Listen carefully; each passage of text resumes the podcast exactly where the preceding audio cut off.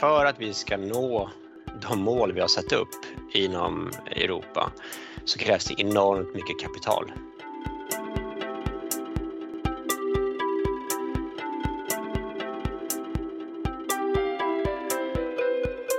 Hej och varmt välkomna till ett nytt avsnitt utav podden Framtidskraft som även denna gång hostas av den eminente producenten Daniel Löfstedt. Tack yeah. för den Karin. Så heter du ja. Och jag heter Karin Bodén och finns här på Jämtkraft.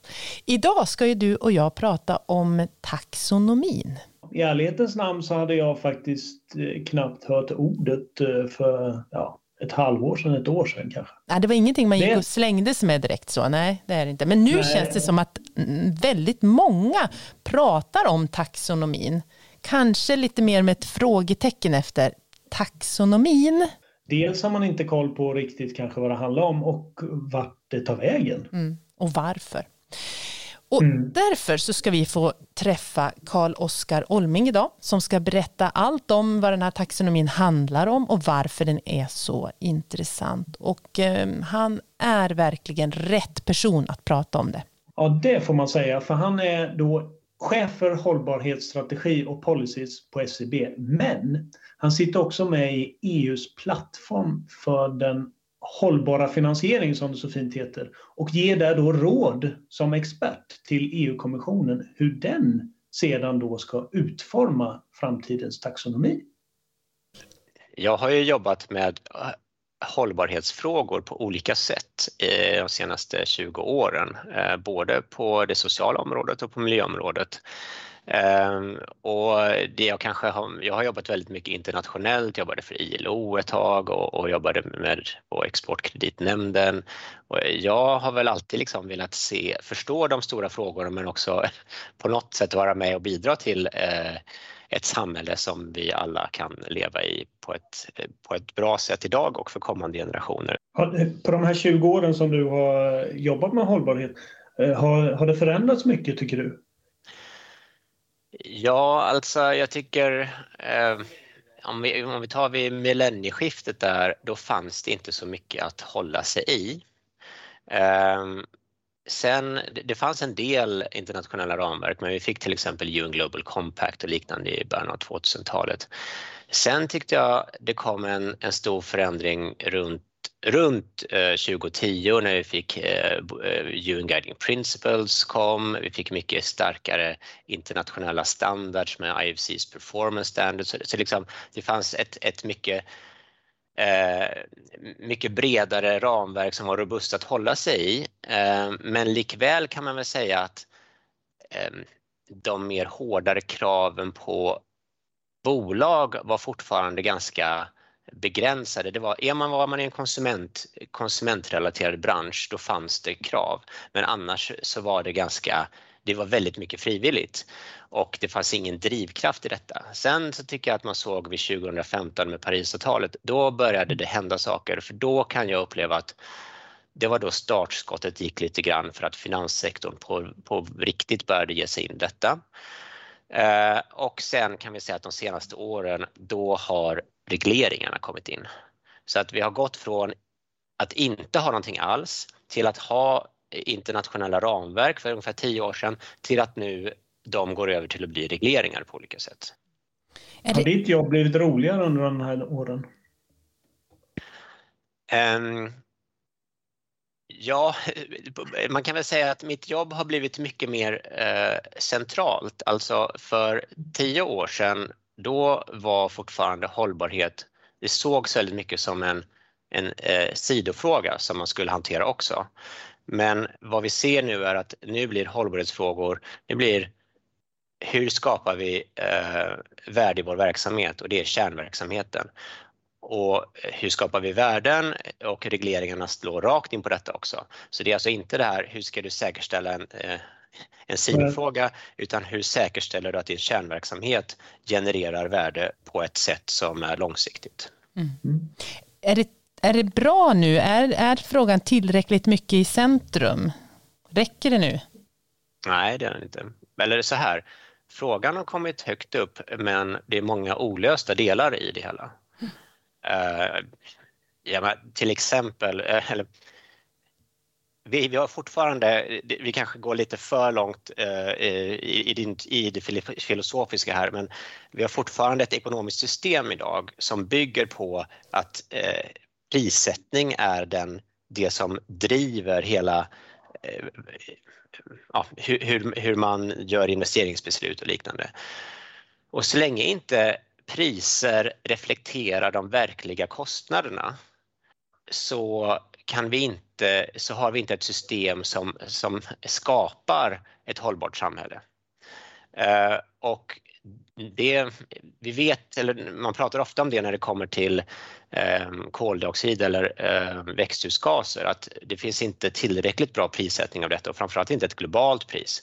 Det, är ju, det kan man säga, det är nästan det lättaste priset vi pratar om och det är fortfarande inte genomfört. Sen har vi ju priset på biologisk mångfald eller priset på, på eh, vatten som blir mycket mer lokalt definierat och så vidare. Och det, där är vi absolut inte att vi har hittat det. Ehm, och hur vi ska få in det här, vad man jobbar med nu på regleringsmässigt och i standards, det är ju först att få upp transparensen på hur påverkar man klimat, hur påverkar biologisk mångfald? Nästa steg är att försöka omsätta det här på olika sätt i vad det innebär det för egentligen kostnader som, som har en extern påverkan som vi måste få in eh, i våra ekvationer. Du är ju en av experterna i den här, i den här gruppen som ska skapa den här taxonomin, EUs taxonomi, eller hur? Ja, det stämmer. Det. Jag sitter i EUs plattform för hållbara, hållbar finansiering och det är då en plattform som kommissionen har skapat för att ha en extern expertgrupp som kan ge dem som ger förslagen på hur de ska utforma taxonomin framöver. Mm. Och, då måste... och det är ju inte så många som sitter där. Det är ju egentligen 57 eh, medlemmar och så är det ett antal observatörer, ett tiotal observatörer, så det är ingen, det är ingen jättegrupp. Eh, men när vi jobbar med det så, så, får vi ta hjälp av våra medarbetare också för att, för att få rätt kompetens in i det. Så att säga. Mm. Min första fråga, Karl-Oskar, måste nog bli ändå så här, vad är hållbarhetstaxonomi? EU-taxonomin är en det, det, är ju som, som ordet taxonomin betyder, det är en klassificering. Så det är alltså en klassificering av hållbara aktiviteter. Och det här vill man göra för att idag så finns det ingen gemensam beskrivning av vad som är en hållbar aktivitet. Och det intressanta med det här är att om, um, i finanssektorn då så, så när man investerar då har man ofta externa dataleverantörer som, som då ska utvärdera olika bolag och komma fram till är de hållbara eller inte. Och då har man gjort utvärderingar för att titta på hur väl överensstämmer deras slutsatser på om ett bolag är hållbart eller inte. Och korrelationen ligger runt 0,6 mellan olika hållbarhetsratingsbyråer. Det visar lite grann på att utan en sån här mer standardiserad ansats så kan vi landa väldigt olika. Ja, det måste vara jättesvårt. Det beror på vilken ansats man tar och, och så vidare. Eh, så det, det, är ju någonting, det här är en, en väldigt svår uppgift ja. att skapa en sån här taxonomi. Då. Hur bestämmer ni det då, vad som är hållbart och inte? Ja, eh, först ska vi väl säga att den här eh, plattformen som är nu, den har ju inte tagit fram den, den, befintliga taxonomin som redan finns, utan det var en tidigare expertgrupp som gav råd till kommissionen och sen så gjorde kommissionen om det och kom ut med det. Så det är alltid kommissionen som kommer ut med de slutgiltiga lagförslagen. Eh, men man kan väl säga som så att eh, taxonomin är aktivitetsbaserad så att man har försökt då dela upp hela man, man tittar inte på företag utan man tittar på aktiviteter. Och för varje aktivitet så försöker man då definiera vad är en, eh, en tillräckligt bra nivå för att det här ska bidra till de mål som EU har satt upp för hållbarhet. Och hittills har man utvecklat det här för klimatmitigering och för klimatanpassning. Men nu jobbar då den här, eh, den här eh, plattformen som jag sitter i då vidare med de ytterligare fyra miljömålen som EU har och det är biologisk mångfald, cirkularitet, vatten och marina resurser och eh, utsläpp. Och då, då gäller det först att förstå hur och då finns ju i European Union Green Deal, i det har man verkligen definierat väldigt stora och breda målsättningar på de här områden. Då tar man det och så bryter man ner det. Vad är det de egentligen säger? Och när det kommer till klimatet är det enkelt. Då säger man klimatneutralitet 2050, säger mm. man minus 55 procent till 2030. Okej, okay, vad måste olika aktiviteter göra för att vi ska komma dit. Ungefär på samma sätt gör man då på biologisk mångfald eller vatten men det är kanske lite mer komplicerat för det är inte lika övergripande frågor utan det blir mer processbaserade ibland och, och liknande. Så man har många olika sätt att komma fram till vad som är, eh, vad, hur man ska definiera vad som är då hållbart. Och vad använder man sig av för, för källor, för liksom för materia för att krama fram det här eh, klassificeringssystemet? Um, hela grunden för taxonomin är att den ska vara vetenskapligt baserad och evidensbaserad så att man jobbar så, så mycket det bara går med att jobba med vad, var står vetens, senaste vetenskapen för olika aktiviteter uh, och vad har vi för evidens för det som föreslås. Och där kan man väl säga att man kommer aldrig ha tillräckligt, men, men det är grundpelaren. Så om man ska ifrågasätta i taxonomin, då ifrågasätter man alltid med eh, att man har eh, belägg för det, man har evidens eller man frågar vad är det för eh, underliggande vetenskap, eh, vetenskaplig forskning som, som stöder detta. Hur, det här påverkar ju energibranschen ganska rejält. På vilket sätt skulle du säga att taxonomin påverkar energibranschen? Energibranschen, eh, alltså de som producerar eh, el och värme och kyla, eh, är ju historiskt förknippade med att de också haft en stor växthusgaspåverkan, framförallt genom koldioxidutsläpp. Och ur det perspektivet så är ju taxonomin väldigt tydlig med vad då som är en verksamhet som ligger på en hållbar nivå ur klimatmitigeringsperspektiv. Och där säger man att om man producerar eh, energi eh, under 100 gram per kilowattimme, då anses man vara hållbar, eh, givet att man också uppfyller de eventuella kriterier som finns för det specifika eh, energislaget vad gäller do no significant harm, alltså att inte göra signifikant skada. Så då har man både kriterier på hur man ska vara bra men på de övriga kriterierna, alltså de övriga fem miljömålen, måste man också kunna visa att man inte gör signifikant skada. Och en del energiföretag de ligger och kan anses vara gröna. Andra kanske inte an, eh, har aktiviteter som anses vara gröna. Och här vill jag genast försöka eh, tydliggöra en, en missuppfattning. Bara för att man inte är grön idag så innebär det inte att man är ohållbar. Nej, okej, okay. utan då har man inte en stämpel alls. Man har ingen stämpel bara, mm. precis. Mm. Mm. Men jag tänkte också på det här att inte göra en signifikant skada. Kan man inte tycka olika om det? För vi, jag tänker så här, man kan ju tycka att nej, men våran vattenkraft gör inte det och så någon som bor i närheten av den kan tycka det. Alltså. Mm. Ja, eh, och där har ju då um, den befintliga taxonomin sagt att man ska följa EUs vattendirektiv för detta. Um, och då får man ju se hur det då appliceras uh, kan man säga. Uh, mm. och, och, här uh, blir det ju lite trixigt för här um, skiljer det sig lite grann hur direktiv appliceras i mm. lagstiftning och då Mellan kan det bli länder. olika typer mm. av utfall i olika länder för Eh, Eh, för olika påverkan. Så att eh, man, det, finns, det finns en del delar i det här som kanske inte alltid skapar helt jämförbarhet mellan olika typer av, um, av aktiviteter runt om i Europa och utanför Europa. Och det är ju naturligtvis en, eh, en svaghet som man över tid måste se hur man kan förbättra och, och jobba på. Mm.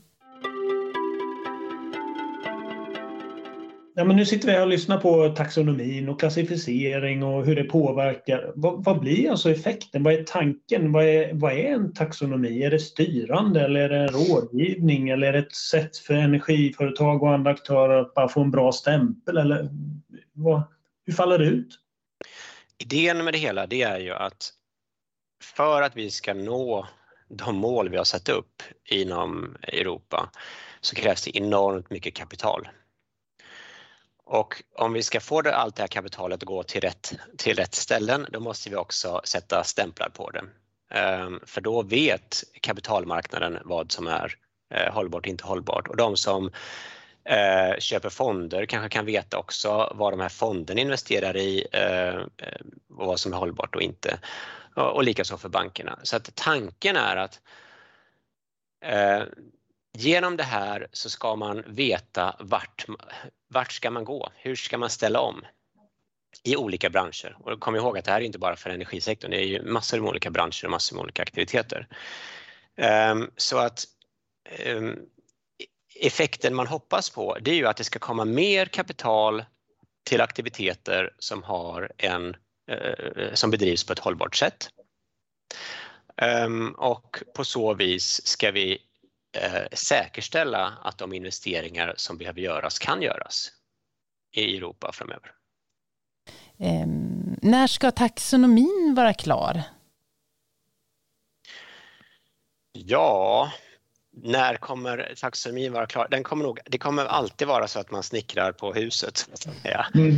Eh, men redan nästa år så kommer den delegerade akten för de återstående fyra miljömålen att komma ut. Mm. Då har vi hela den gröna taxonomins första generation klar. Ska den börja gälla då liksom? Nu är det det här. Ja, då eh, redan eh, Redan nästa år så kommer ju bolag behöva rapportera om de är inom taxonomins räckvidd, alltså om de täcks av taxonomin eller inte. De behöver inte säga någonting om de är alignade eh, av den, men de måste säga om de är eh, täcks av taxonomin, alltså om de har verksamheter som täcks av de här aktiviteterna. Mm, ja. Året därpå så måste företag säga om de uppfyller, alltså till vilken grad de har omsättning som då uppfyller taxonomin eller inte. 2023 alltså?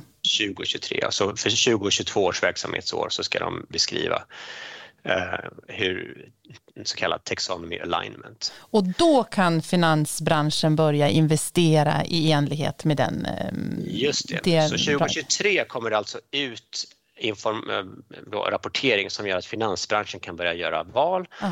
Och sen 2024 så måste finansbranschen, de måste ju ha ett års lagg då, ah beskriva hur deras balansräkningar mm. eller investeringsportföljer ser ut. Ja, just det. Så då, det, då, är det, då blir det första året som liksom hela den finansiella värdekedjan beskriver det här ur ett grönt perspektiv. Då. Det verkar ju väldigt rationellt och, och så, verkligen att få rätt eh, få kapitalflöden till de investeringar som är hållbara. Vad är då, sitter man och funderar, vad är då utmaningen för att få det här på plats? Som du ser det, är liksom de främsta utmaningarna. Ja, alltså komplexiteten är ju en jätteutmaning. Mm. Alltså, vi har, inget system tidigare har verkligen gått ner på aktivitetsnivå och gjort det här. Um, så att sättet att som företag måste rapportera och tänka runt det här skapar en ny dimension. De måste gå ner på varje aktivitetsnivå och, och utvärdera det. Den andra delen är att man inte bara går ner på aktivitetsnivå utan man har sex olika miljömål som man måste titta på. Alla kanske inte eh, kanske man inte måste rapportera på men det blir en ganska omfattande rapportering bara där.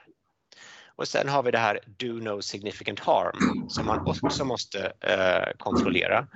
Så att vi får, och sen måste man också uppfylla minimum social safeguards. Och, så det blir väldigt mycket för bolagen att eh, tydligt rapportera på. Herregud, det där låter jättekrångligt. Ja, eh, nu kan man väl säga som så att det är väl det som skiljer det här, liksom, om vi tar finansrapportering så har vi sysslat med det i liksom, över hundra år och det har utvecklats över tid och det har tagit årtionden för att komma ut med nya rapporteringsstandards eh, på global nivå.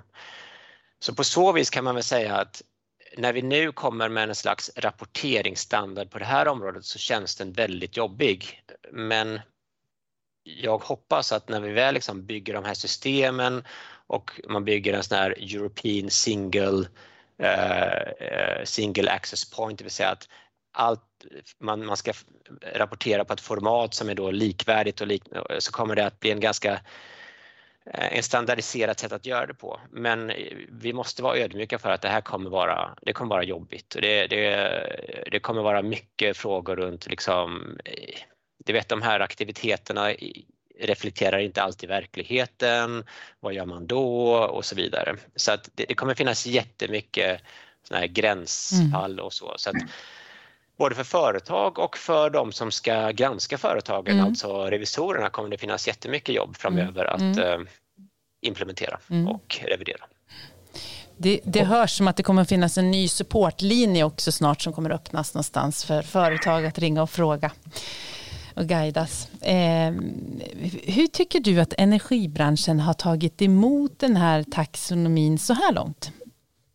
Jag förstår ju att det här är utmaningar och eh, energibranschen har varit eh, har varit väl, eh, jag tycker att de har gått in och haft eh, dialoger och eh, pratat med eh, rätt, eh, rätt delar både med eh, EU och med svenska staten som är med i detta och andra som kan vara med. Så att, och de har gjort sina, sina säga, impact assessment, alltså sina bedömningar hur det kan påverka. Och här, tror jag det är viktigt liksom att man återigen kommer ihåg att eh, det är då inte en binär taxonomi. Så om man inte är grön så är man ju inte eh, skadlig utan då är man bara ingenting i dagsläget. Det, men, det är viktigt att komma ihåg. Men det innebär väl också att man får lite dyrare lån till exempel?